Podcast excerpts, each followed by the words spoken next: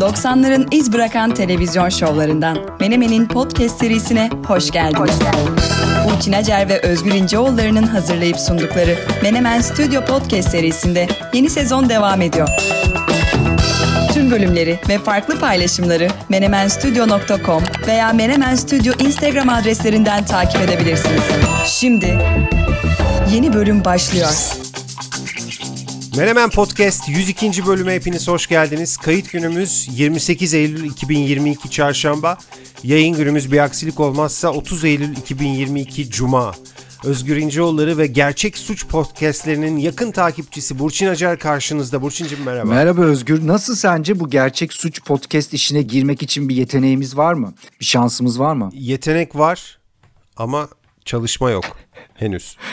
Ama üstüne gidersek olabilir ya. İkimiz de böyle bir internet dedektifi gibi falan böyle çok enteresan konular içerisine girebiliriz. Kesinlikle Burçin. Bunu bir düşün. Her şeyi başarırız. Tamam bunu bir düşünelim. Ee, güzel bir bence yani hikaye zaten gerçek bir hikaye olduğu için biraz çekiciydi. Geçtiğimiz programda e, bir gerçek suç podcastinden yola çıkarak gerçek bir hikayeyi anlattık. Dinlemeyenler için böyle bir gönderme yapalım. Ee, bu hafta bakabildin mi haberlere ne oluyor ne bitiyor gündemde? Seninkiyle ilgili bir haber vardı. Benimki kim? Rihanna. Benim, benimki. Ya ben de Super Bowl haberi okuyunca direkt aklıma sen geliyorsun. Yani hani herhalde Niye? Türkiye'de senden hani da- daha fazla ilgilenen yoktur herhalde bu konuyla ilgili. Artık Super Bowl mu Super Bowl'un devre arası şovu mu diyeyim. Hani bu konu benim kafamda Burçin Acar'la özdeşleşmiş bir konu. Direkt sen geliyorsun yapamıyorum ya elimde değil. Kimseyi ilgilendirmiyor diyorsun yani bir başka bakış açısıyla. Kimseyi ilgilendirmediğini söylemiyorum. En çok seni ilgilendirdiğini söylüyorum. En çok benim. Peki olabilir ya bu devre arası şovu aslında hani ne bileyim yani işte müzikle ilgilenenler için bence son derece dikkat çekici bir olay. Çünkü 15 dakikayla sınırlandırılmış bir şov var ve o şovun içerisinde her şey var. Yani o gün teknoloji neredeyse onu kullanıyorlar. İşte o gün en iyi vokaller kimse onları alıyorlar ne kadar çok dekor kullanabilirlerse onları kullanıyorlar ve bunların hepsini 15 dakikada yapmaları bence çok enteresan bir durum. Yani bana evet çok çekici geliyor. Dolayısıyla her sene Super Bowl devre arasında kim şov yapacak? Yani bu haberin gelmesiyle bir neşe doluyor içim. Onu da yalan söylemeyeceğim. Doğru. Bu seneki yani bu sene derken 2023 Super Bowl'unda 12 Şubat'ta gerçekleşecek devre arasında kim şov yapacak açıklandı. Biraz önce açıkladım. Rihanna e, enteresan bir seçim. Şöyle enteresan bir seçim. Aslında bunu pazartesi günü açıkladılar. Ben cuma günü şey haberleri okumuştum. Bu, bu sefer Taylor Swift var. İşte görüşüldü. Bayağı bir yol kat edildi. Tamam dedim. Taylor Swift çıkacak. Öyle tıngır mıngır bir şeyler söyleyecek ama bir anda Rihanna çıktı tabii. Bambaşka bir, bir, bir alan. Rihanna ve müziği ve sound'u. Bence çok daha iyi olacak. Bu arada tabii Rihanna bayağıdır albüm yapmıyor. Albümü bırak bayağıdır canlı performans yapmıyor aslında. Yani 2018'de en son aslında biz Power TV'de canlı yayınlamıştık. Orada Grammy'de canlı performans gösterdi. İşte üzerinden kaç 4 e, seneye çıkacak 5 sene geçmiş olacak. Canlı performans göstermiyor. Daha önce Super Bowl'a katıldı mı? Teklif aldı ama bu hatırlarsın Colin Kaepernick işte şey ee, onun bir takım siyasal olaylar vardı. Orada o desteği göstermek için Super Bowl devre arasını kabul etmemişti. Yine yıl 2018'di. Ee, bakalım ne yapacak? Tabii yani ben benim için Rihanna ne yaparsa tamamdır. Yani o kadar kabulüm ve e, ona karşı ön yargılı bir biçimde sempati besliyorum. Bu yani hangi şarkıları söyler o kadar çok hit şarkısı var ki bir de konuk alacak genelde öyle oluyor. Kimleri alabilir? Çok acayip bir show çıkacaktır. Şovu Live Nation hazırlayacak ve arkadaki ekip de Jay-Z'nin ekibi. Yani geçen sene bu hip hop history yaptılar ya. Yani o ekip işte Dr. Dre, Jay-Z, Rihanna'nın şovunu da hazırlayacaklar. Dolayısıyla şov olarak iyi bir şey çıkacak ortaya. Bir de çok önemli bir değişiklik var. Yıllardır bu hep şeydi Pepsi'ydi. Yani Pepsi Super Bowl devre arasıydı. Bu sene sponsor sponsor değişti. Apple Müzik aldı.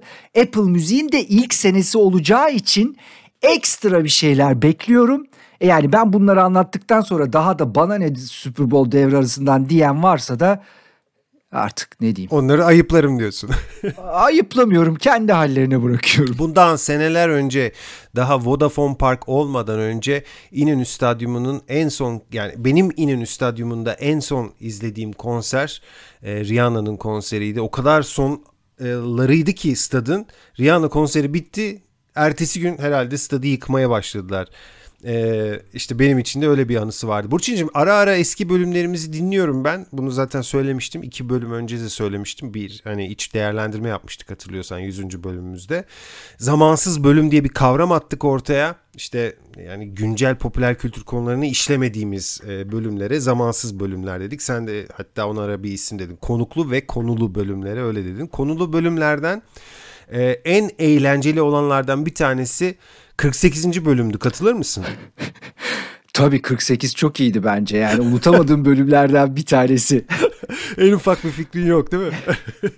yok bence dinleyicilerimizi hatırlatalım ama onlar hatırlamak mecburiyetinde değil. Doğru söylüyorsun. O bölümde 90'ların unutulmaz Türkçe pop albümlerini konuşmuştuk. Tabii, Sonrasında tabii, da dediler tabii. ki hatta evet. siz pop dinler miydiniz, Türkçe pop dinler miydiniz diye. Şimdi neden tekrar bu konuya geldim? Aslında çok daha önce gelmeyi düşünüyordum ama bir türlü fırsat gelmedi. gelmedi. Yıl yani içinde bulunduğumuz yıl 2022. 90'ların hemen başında hatta daha da spesifik olayım 1992 yılında piyasaya çıkan albümler bu yıl 30. yaşlarını kutluyorlar. Gerçekten önemli bir yıl dönümü bu albümler için.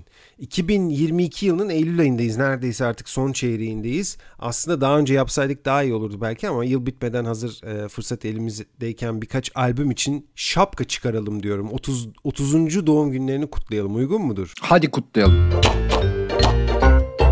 Çok kısa şöyle 1989-1990 yılları zaten Türkçe pop müziğin ciddi bir geri dönüş yaptığı yıllardı. Zaten bunu konuşmuştuk. 90-91 derken iyi albümler çıkmaya başladı. 92 ve sonrasında da bugünün büyük yıldızlarının ilk işleri ortaya çıkıyor. Tarkan'ı konuşurken de bu yıllardan bahsetmiştik ama 1992 e, Tarkan için bile erken bir tarih. Tarkan'ı 92'de kimse bilmiyordu mesela. 92'de birçok albüm e, çıktı tabii ki ama özellikle iz bırakanlar ve sanatçılarının kariyerlerinde önemli yeri olan albümler arasında birkaç tane şunları belki sayabiliriz. Bir tanesi mesela e, Fatih Erkoç'un Ellerim Bomboş albümü. Bu albümde aslında pop müziğe giriyor. Daha öncesinde daha caz çalışmaları yapan Fatih Erkoç Ellerim Bomboş albümüyle büyük kitlelerce tanınıyor. Bir başka albüm önemli. Yeni Türkü'nün Aşk Yeniden albümü. E, aşk demişken Aşkın Nur Yengi'nin Hesap Ver albümü ki bu onun aslında ikinci albümü. İlk bombası e, Sevgili albümü o 1990'da çıkıyor. E, Kayahan'ın Odalarda Işıksızım albümü yine 1992 ama bunlarla birlikte bir albüm daha saymak lazım. 30 yıl önce piyasaya çıkmış o da. 30. yaşını kutluyor. Türkiye'nin e, en önemli kadın seslerinden Sertab Erener'in ilk albümü Sakin Ol. Epey bir hit parça barındıran bir albüm zaten. İşte Ateşle Barut var, Sakin Ol var, Yalnızlık Senfonisi var. Vurulduk diye bir parçası vardı. Bilmiyorum hatırlar mısın? Daha arkada kalmıştı o parça.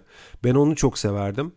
Ee, klasik bir eser tadı vardı böyle klan. Biraz mırıldanır mısınız? Yok ben mırıldanmayacağım. Senden bir kuple rica etsem ha, ça- çala- tamam. çalabilir miyiz? Birazcık çalabilir miyiz o parçayı? Dur vurulduk dedin değil mi? Evet. Tamam. İşte bu.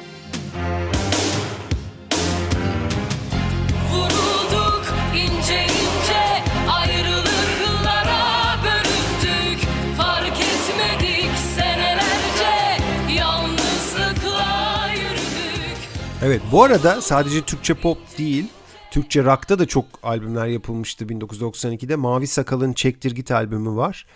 Ee, ve Pentagram'ın Trailblazer'ı ikisi de 92'dendir. Trailblazer'ı çok dinlemiştim gerçekten. Gerçi Türkçe bir albüm değildir o. Türkçe rock dedik ama Türkçe albüm değildir o. İngilizce bir albümdür. Bunları da hatırlamak istedim. 30. yaşlarını kutlayalım bunların. Kutlu olsun. Ee, kaç 48. bölümdü değil mi? Biraz önce konuştuğumuz. Evet. Orada tabii biz aslında e, o albümler yani birçok albüm için çok ayrıntılı değerlendirmeler de yapıyoruz. E, o bölümler arşiv bölümleri de şu anda orada duruyor. Dinlemediyseniz mutlaka dinleyin.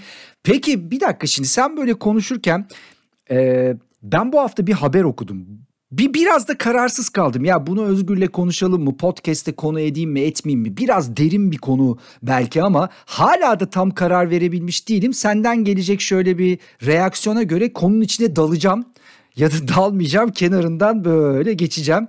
Spotify bir açıklama yani bir bir paylaşımda bulundu. Türkiye'de arabesk müziğin dinleme oranının işte dört kat arttığına dair bir veri paylaştı. O verinin altında daha da enteresan veriler var.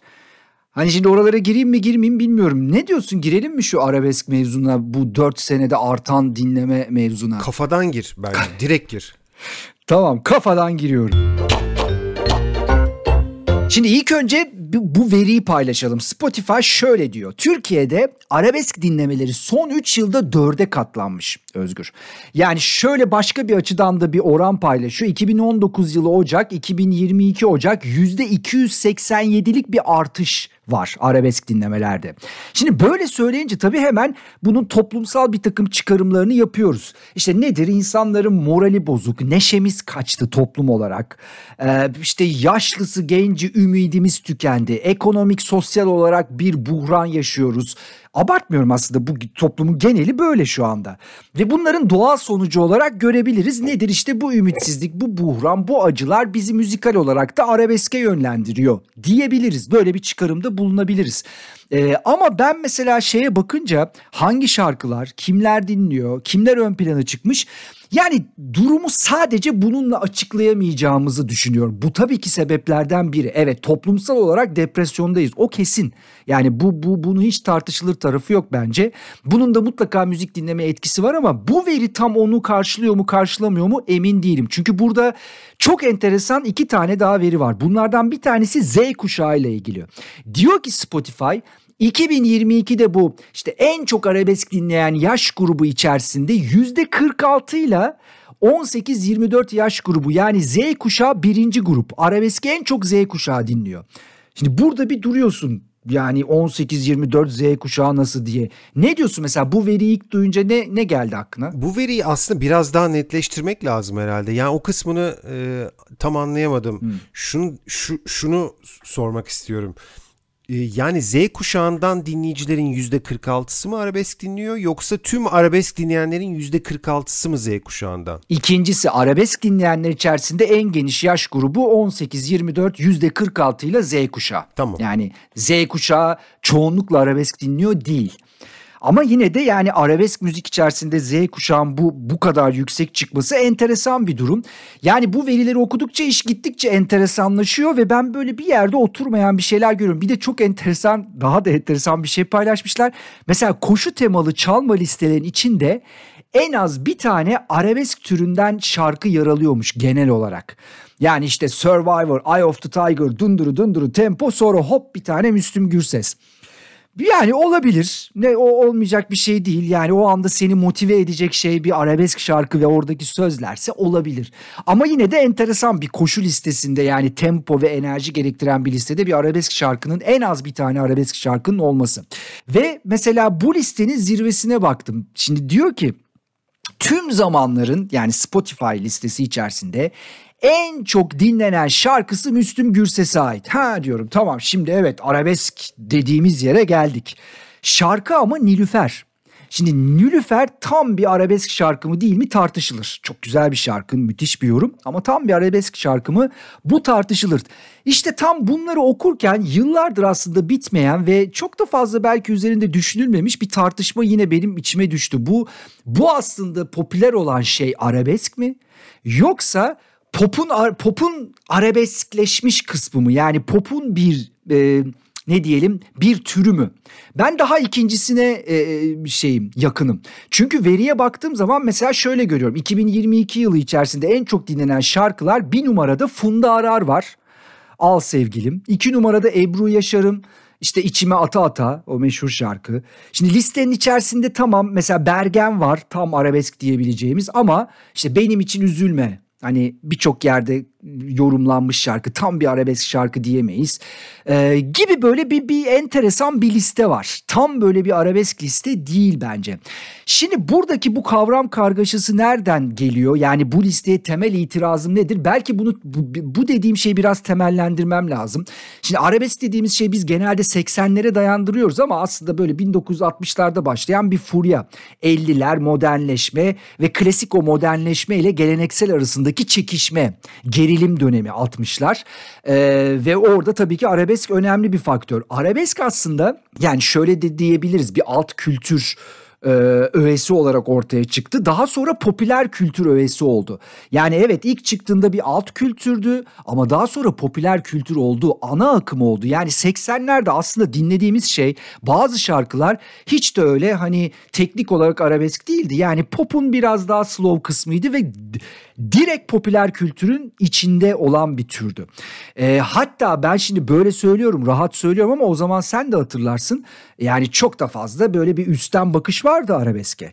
Yani işte Timur Selçuk'un, Metin Erksan'ın işte röportajları, sözleri. Doğru. Yani arabesk dinleyenin biraz ötekileştirilmesi hatta ve hatta bunun en uç boyutu TRT'de yasaktı zaten arabesk. Yani 80'lerin ortasına kadar arabesk yayınlanmıyordu. Yani böyle bir ötekileştirme vardı ama bunun pek bir işe yaramadığını da biliyoruz. TRT bunu yayınlamazken arka sokağındaki gazinodaki az solistler arabesk söylüyordu. Kenar mahallelerde arabesk söyleniyordu. Sokakta arabesk söyleniyordu. Yani o yasak pek de o popüler kültürün filizlenmesini e, engelleyememişti. 90'lara geldiğimde tabii çok özet konuşuyorum ama 90'larda aslında diğer müzik türleriyle de böyle biraz iç içe geçmeye başladı. Hatta şimdi işte rap ile iç içe geçiyor 90'larda biraz daha popüler kültürün içerisine entegre olmaya başladı. Bütün bu söylediğim şeylerin aslında vücut bulmuş ismi de Müslüm Gürses'tir. Yani Müslüm Gürses'in 80'ler arabeskine bak. İşte 90'larda yaptığı işlere bak, işbirliklerine bak. Ne kadar enteresan şeylere adım attı. Aslında o biraz arabeskin gelişmesi.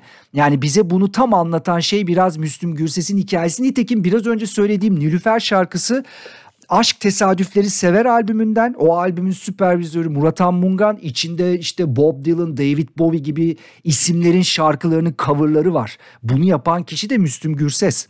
Yani bu hikaye arabeskin hikayesi biraz böyle. Dolayısıyla şimdi tekrar başa dönelim. Spotify verilerine bakalım. Yani Z kuşağı işte arabeski en çok dinleyen Z kuşağı dediğin zaman aslında aklımıza gelmesi gereken o klasik arabesk değil. Yine o işte popun biraz daha böyle acılı kısmına şey olan dayanan ya da rap'in biraz daha arabeske dayanmış ama ortada bir kümelenmiş bir hali var. Çok popüler biliyorsun. Biraz o o tip e, türlerin tüketildiğini düşünüyorum. Yoksa mesela e Burçin bu kadar konuşuyorsun da senin için arabesk kim dersen yani mesela şimdi bu listede yok. Ferdi Tayfur, işte Cengiz Kurtoğlu, Hakan Taşıyan, ya çok isimlerini söylemek içimden geçmiyor ama Orhan Gencebay, İbrahim Tatlıses hatta biraz daha alternatife gireyim.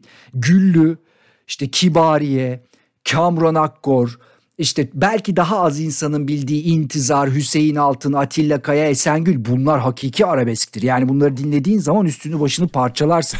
Şimdi o arabeskle biraz önce saydığım liste biraz daha farklı. Dolayısıyla ama tabii şey insanlar şu manşeti atmayı sevdiler.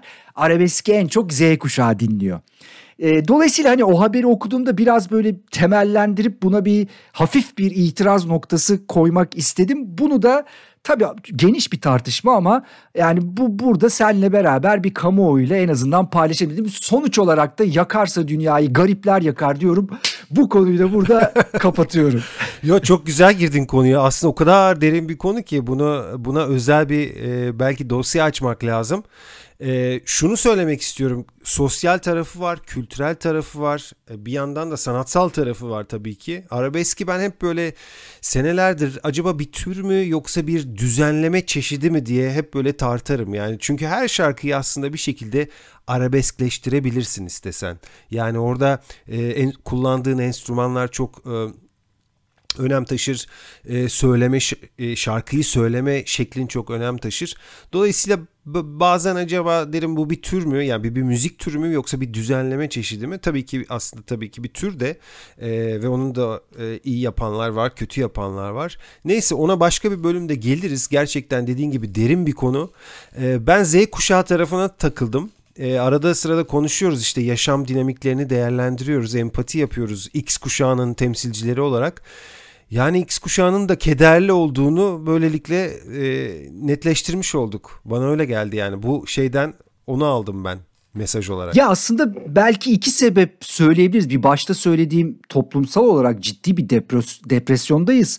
Ekonomik, sosyal bir buhran yaşıyoruz ve bu belki de en çok gençleri etkiliyor. Yani düşünsene istediğin yere gidememek, e, istediğin konserleri seyredememek, sevgilinle istediğin gibi güzel bir aşk yaşayamamak, yani bir sürü bir sürü şey var anladın mı? Bunların olmaması bir genç için gerçekten ciddi bir buhran sebebi olabilir.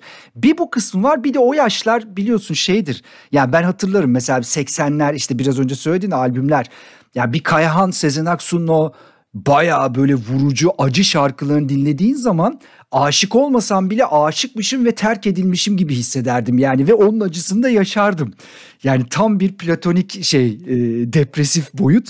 Dolayısıyla o yaşlar biraz bunlara da müsaittir ama ben birinci sebebin daha ağırlıkta olduğunu düşünüyorum. Zamanın eli değdi bize diyorsun yani. Değmez mi? Evet arabesk konusundan bununla hiç alakası olmayan e, bir başka konuya geçmek istiyorum Burçin'cim. E, ve şimdi Roger Federer'den bahsetmek istiyorum. Aslında onun da alakası var. Son ağlama görüntüleri falan yani o neydi ya yani acayip. Evet o da kederlendi. Keder yani. keder. Evet. E, Burçin ara ara tenise giriyoruz konu olarak ilgilendiğimiz bir konu, sevdiğimiz bir spor dalı. Bunun haricinde Roger malum İsviçre'nin evladı. Ee, ve İsviçre'de yaşayan biri olarak bahsetmemek olmaz diye düşündüm. Uygunsa Roger Federer'in vedasına geçiyor. Ne demek? Bir hüzün var mı İsviçre'de şu anda bayraklar yarıya yani nedir şey karşılayış şekli? Herkes hala ağlıyor. Yazık. Evet kaçınılmaz son geldi. Her şey bir gün biter. Bak arabesk şeyimiz devam ediyor. Her şey bir gün biter. Tenisin gelmiş geçmiş tüm zamanlardaki en büyük isimlerinden Roger Federer 41 yaşında ağlayarak e, gözyaşı dökerek herkesi de ağlatarak profesyonel e, spor hayatını bitirdi. Bir dönem sona erdi. Doğrusunu söylemek gerekirse bu aslında kimseye de sürpriz olmadı. Çünkü e, Roger Federer e, zaten son yıllarda sıkıntılar yaşıyordu biliyorsun Burçin. Sakatlıkları vardı ve artık kalıcı olmaya başlamıştı bu sakatlıklar. E, yaşı da 41 oldu. Dedi ki artık yeter.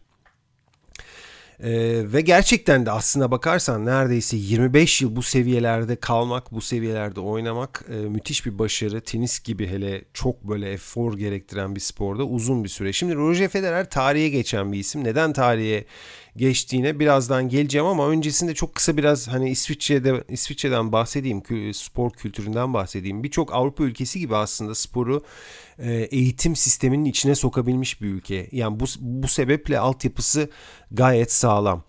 Ee, örnek vereyim mesela futbolda önümüzdeki e, Dünya Kupası ile birlikte toplam 12 e, kez mücadele etmiş olacaklar Dünya Kupası'nda. 22 Dünya Kupası'ndan 12'sinde hiç fena değil. Biz e, iki tanesinde oynadık biliyorsun.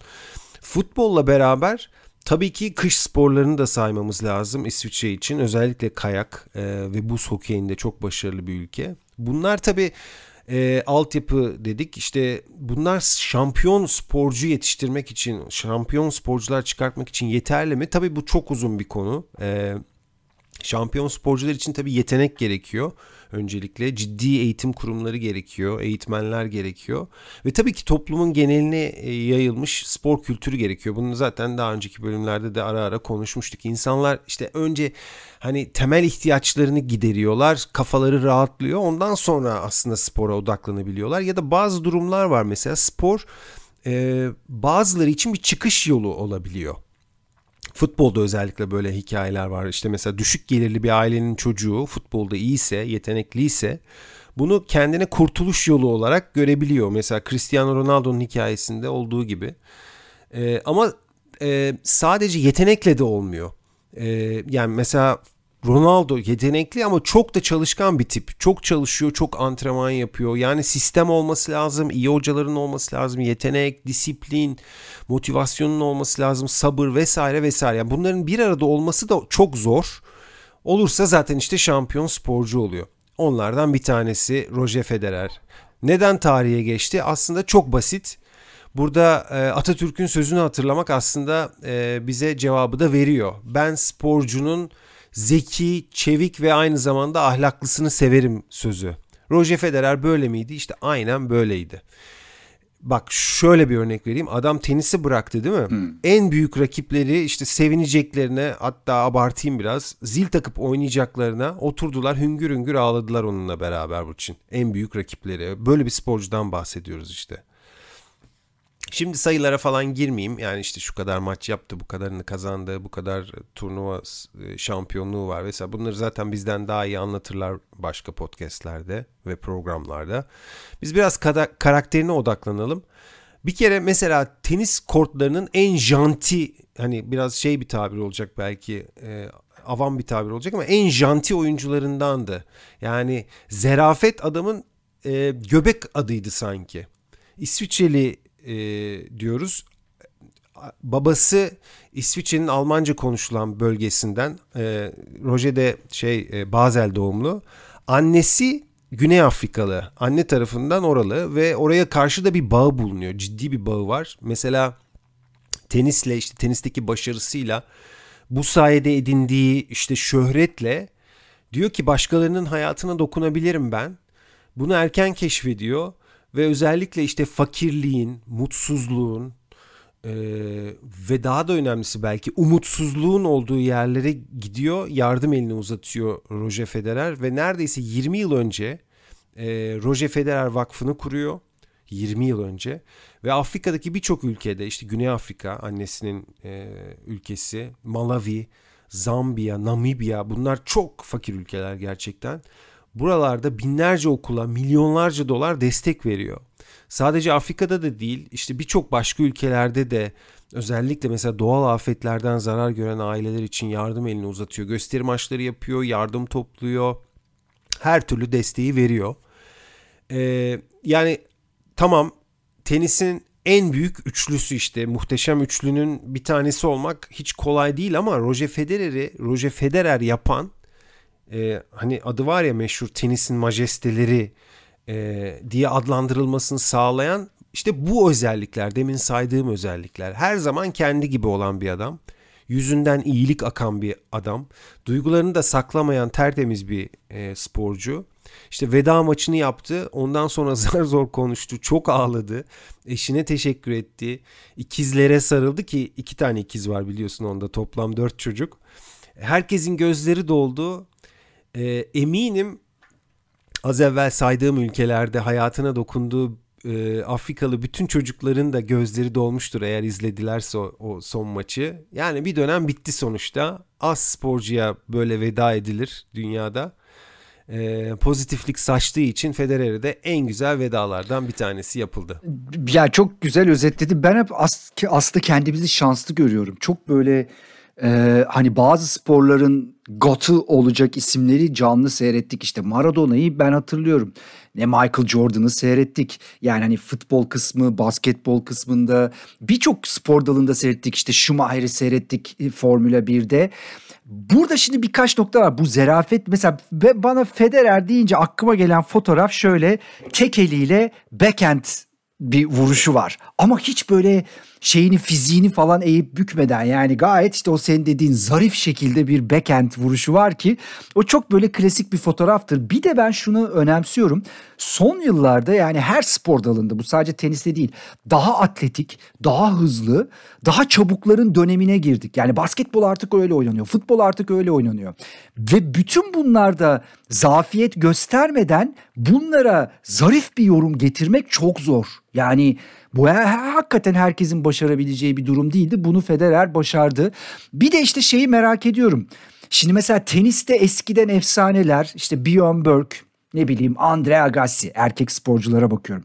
Şimdi bunlar emekli olduktan sonra ee, çok da fazla böyle göz önünde bu şöhretlerini sürdürürcesine bir e, gelişim yani kariyer gelişimi göstermediler. Çünkü zaman biraz öyle bir zaman değildi. Yani şimdi böyle işte dijital, yeni medya, şu bu imkanlar çok. Mesela bunu en iyi kimin kullandığını gördük? Michael Jordan. Yani Jordan emekli oldu, emekli olduk. Hala belki, belki de dünyanın en çok kazanan sporcularından markası, reklamları, şunları bunları. Yani bir emekliliğin bu yeni dönemde nasıl idare edileceğini biz e, basketboldan biliyoruz, futboldan biliyoruz, futbolun emeklerinden biliyoruz. Ama mesela teniste daha böyle bir örnek yok. Çünkü bu dediğini üçlü Avengers işte biri Nadal, biri Djokovic, biri Federer bunlar yani neredeyse bir 20 yıla falan hükmettiler. Hani bir, kimi ikiliydi, kimi üçlüydü. Doğru. Dolayısıyla daha sosyal medya falan o bu yoktu. İlk defa biri emekli oluyor. Şeyi çok merak ediyorum. Yani yılda yaklaşık işte 100 milyon dolar kazanan sporcular bunlar. İşte sponsorluk, sadece sponsorluk gelirleri. Şimdi bundan sonra ne olacak mesela? Hani bir yerde yorumcu mu olacak? Bu markayı nasıl yönetecek? Bizim karşımıza nasıl gelecek? Yani teniste bunun örneğini ilk defa göreceğimiz için bence bir, bir merak unsuru benim için. Ee, onun dışında dediğin her şey zaten e, yani mükemmel özetliyor. Ee, acaba sonraki şimdi mesela gidiyor işte Nadal Djokovic biraz devam eder. Bilmiyorum bu Alcaraz falan mı patlayacak yoksa bizim Rus tenisçi neydi? Medvedev. Medvedev mi mesela? Kim olacak? Ya şimdi e, Roger Federer'in özelliklerini, teknik özelliklerine girmedim özellikle ama mesela bütün zeminlerde gerçi Fransız açıkta sadece bir tane şampiyonluğu var. Daha çok tabii e, Wimbledon'ın e, domine eden oyuncuydu. Bütün zeminlerde bir başarısı var sonuçta. Bazı oyuncular bugünün oyuncuları arasında saydığımız isimlerde şu genç isimlerde mesela her zeminde iyi oyun karakteri sergileyenler pek yok. Az evvel saydığım e, özelliklerine bir de belki alçak gönüllülüğünü de eklemek lazım. Onu da atladım e, az önce sayarken. Çünkü Roger Federer'e diyorlar ki yani sen tarihin gelmiş geçmiş en iyilerinden bir tanesin. O da diyor ki hayır öncekiler bize yol açmasaydı biz bu kadar iyi olamazdık. Yani öncekilere de saygı duruşunu yapıyor. E, çünkü dediğin gibi hem spor çok ilerliyor çünkü insanlar çok ilerliyor. Yani 1980'lerin basketbol, voleybol maçlarını bir de bugünün basketbol ve voleybol maçlarını izle tenisi izle. O kadar fark var ki sanki başka sporlardan e, bahsediyoruz. Başka sporlar izliyoruz gibi. Hakikaten öyle. O zaman majesteleri şerefine şöyle güzel bir şarkı isteyeceksin gibi hissediyorum. Bilmiyorum. Öyle geldi bana. Ne ne gelecek? Majesteleri şerefine olmasın bu çünkü çok alakasız. Öyle mi? Ama e, evet dolayısıyla ona başka bir parça e, armağan ederiz sonraki bölümlerde. 90'lardan bir parça isteyeceğim. Nereden geldiyse aklıma geçen hafta bir parça geldi Burçin ve dilime dolandı. Ya öyle büyük bir klasik de değil. Baştan onu söyleyeyim. E, hatta İngilizce'de şey e, şöyle bir sözcük vardır. Underrated. Hmm. E, değeri pek bilinmemiş derler. E, öyle bir parçaydı bu parça. Önce gruptan biraz bahsedeyim. E, 70'lerin sonunda e, kurulmuş bir grup bu. San Francisco'lu bir grup. Bir rock grubu. Başlarda e, farklı grup isimleri kullanıyorlar e, ve asıl isimlerine 1983'te geçiyorlar. Rock dedim ama e, yani biraz basite indirgedim galiba. Çünkü böyle müziğin farklı kulvarlarında, türlerinde gezinmesini seven bir gruptular. E, alternatif metal diyebiliriz belki. Funk metal diyebiliriz. E, post punk diyebiliriz.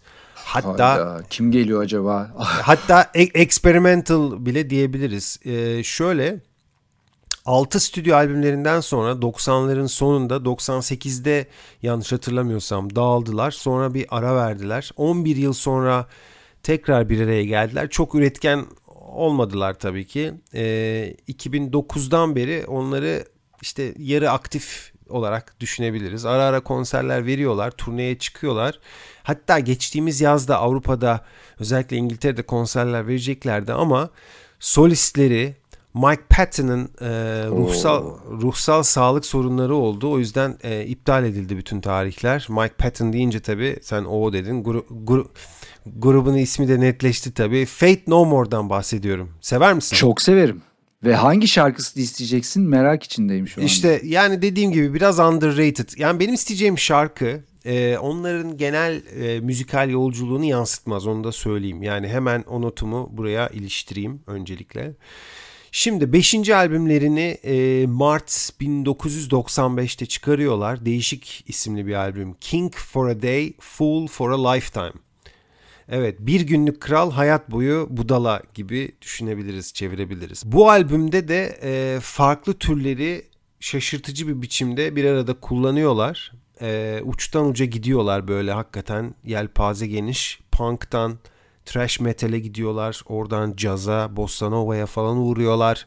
Hatta country ve gospel gibi türlere de böyle bir selam çakıyorlar. Öyle bir albümdü bu.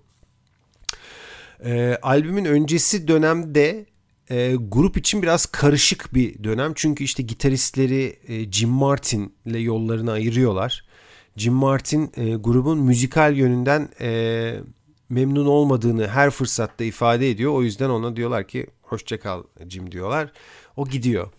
E, bu albümde bir parçaları vardı Burçin. Böyle ben onu isteyeceğim senden. Yumuşaktı. Melodik yapısıyla bir anda böyle radyoların gözdesi oldu. Hatta biz o dönemde e, Number One FM'de bu parçayı bol bol çalmıştık. Ki aslında Fate No More bizim playlistlerde pek bulunmazdı yani onu da söyleyelim. E, hit müzik radyosu olduğumuz için e, Fate No More'u pek çalmazdık. Sadece Hakan çalardı. Hakan Tamar Toprak'ta çala, çalardı Fate No More'u. Güzel e, programdı Toprak'a da bir merhaba diyelim. Hakan'a bir merhaba diyelim. Hatırlayanlar kesin vardır. Hangi parçadan bahsediyorum biliyor musun? Evidence. Oo, ne yaptın öyle ya? Bayılırım ya. Böyle benim benim top 10 listemdedir o şarkı. Öyle mi? Süper. Bu yani böyle bu parçada biraz soul ve R&B etkisi var bence net. Ee, böyle rock ve pop arasında da gidip geliyor zam, aynı zamanda. Hatta şöyle bir şey var. Fate No More'un solisti Mike Patton şöyle demiş. Her zaman e, çok iyi bir pop şarkısı yazmak istemiştik. İşte Evidence bu. Sanırım bu sonuca ulaşmak için bir gitaristi kaybetmemiz gerekiyordu. Anca öyle yapabildik. Şimdi şarkı ne anlatıyor? Aslında sözlerden çok net anlaşılmıyor bu. Zaten uzun sözler de değil. Yani uzun uzun sözler de yok. Yani bir nakarat var. 3-4 kez tekrarlanıyor. İki tane de böyle kısa sayılabilecek köprü bölümü var parçanın. Parçada bir sorun var. Yani sorun anlatılıyor parçada. Bir ilişki sorunu var. Herkes kendi yorumunu yapabilir tabii ki parçayla ilgili. Sanırım bir aldatma var. Ee, onun ardından da bu parçanın sözleri yazılmış. Dediğim gibi yoruma açık. Benim tek bir yorumum var bu şarkıyla ilgili. Bu şarkı seksi şarkı. Ama gerçekten seksi şarkı bak söyleyeyim. Duran Duran çaldık ona da seksi dedin. E tamam o da evet. O zaten seksi playlist diye bir playlist var. Orada Come On'dan var, Evidence var falan filan. Hadi diğerlerini söylemeyeyim. Bu da öyledir ya. Hiç tartışmasız. Arabesk bir parça var mı o playlistte? Yok arabesk yok. Keder Peki. yok orada. Keder yok. Peki şöyle bizi dinleyen genç arkadaşlara bu grubu kısaca şöyle anlatalım ve bitirelim. Arkadaşlar e, şu an sizin en sevdiğiniz grubun üyeleri müziğe başladıklarında en sevdikleri grup çok büyük ihtimalle bu gruptu. Fate No More'du. İşte o grup ve parçaları Evidence. Bir sonraki bölümde tekrar buluşmak dileğiyle. Hoşçakalın. Görüşmek üzere. If you want to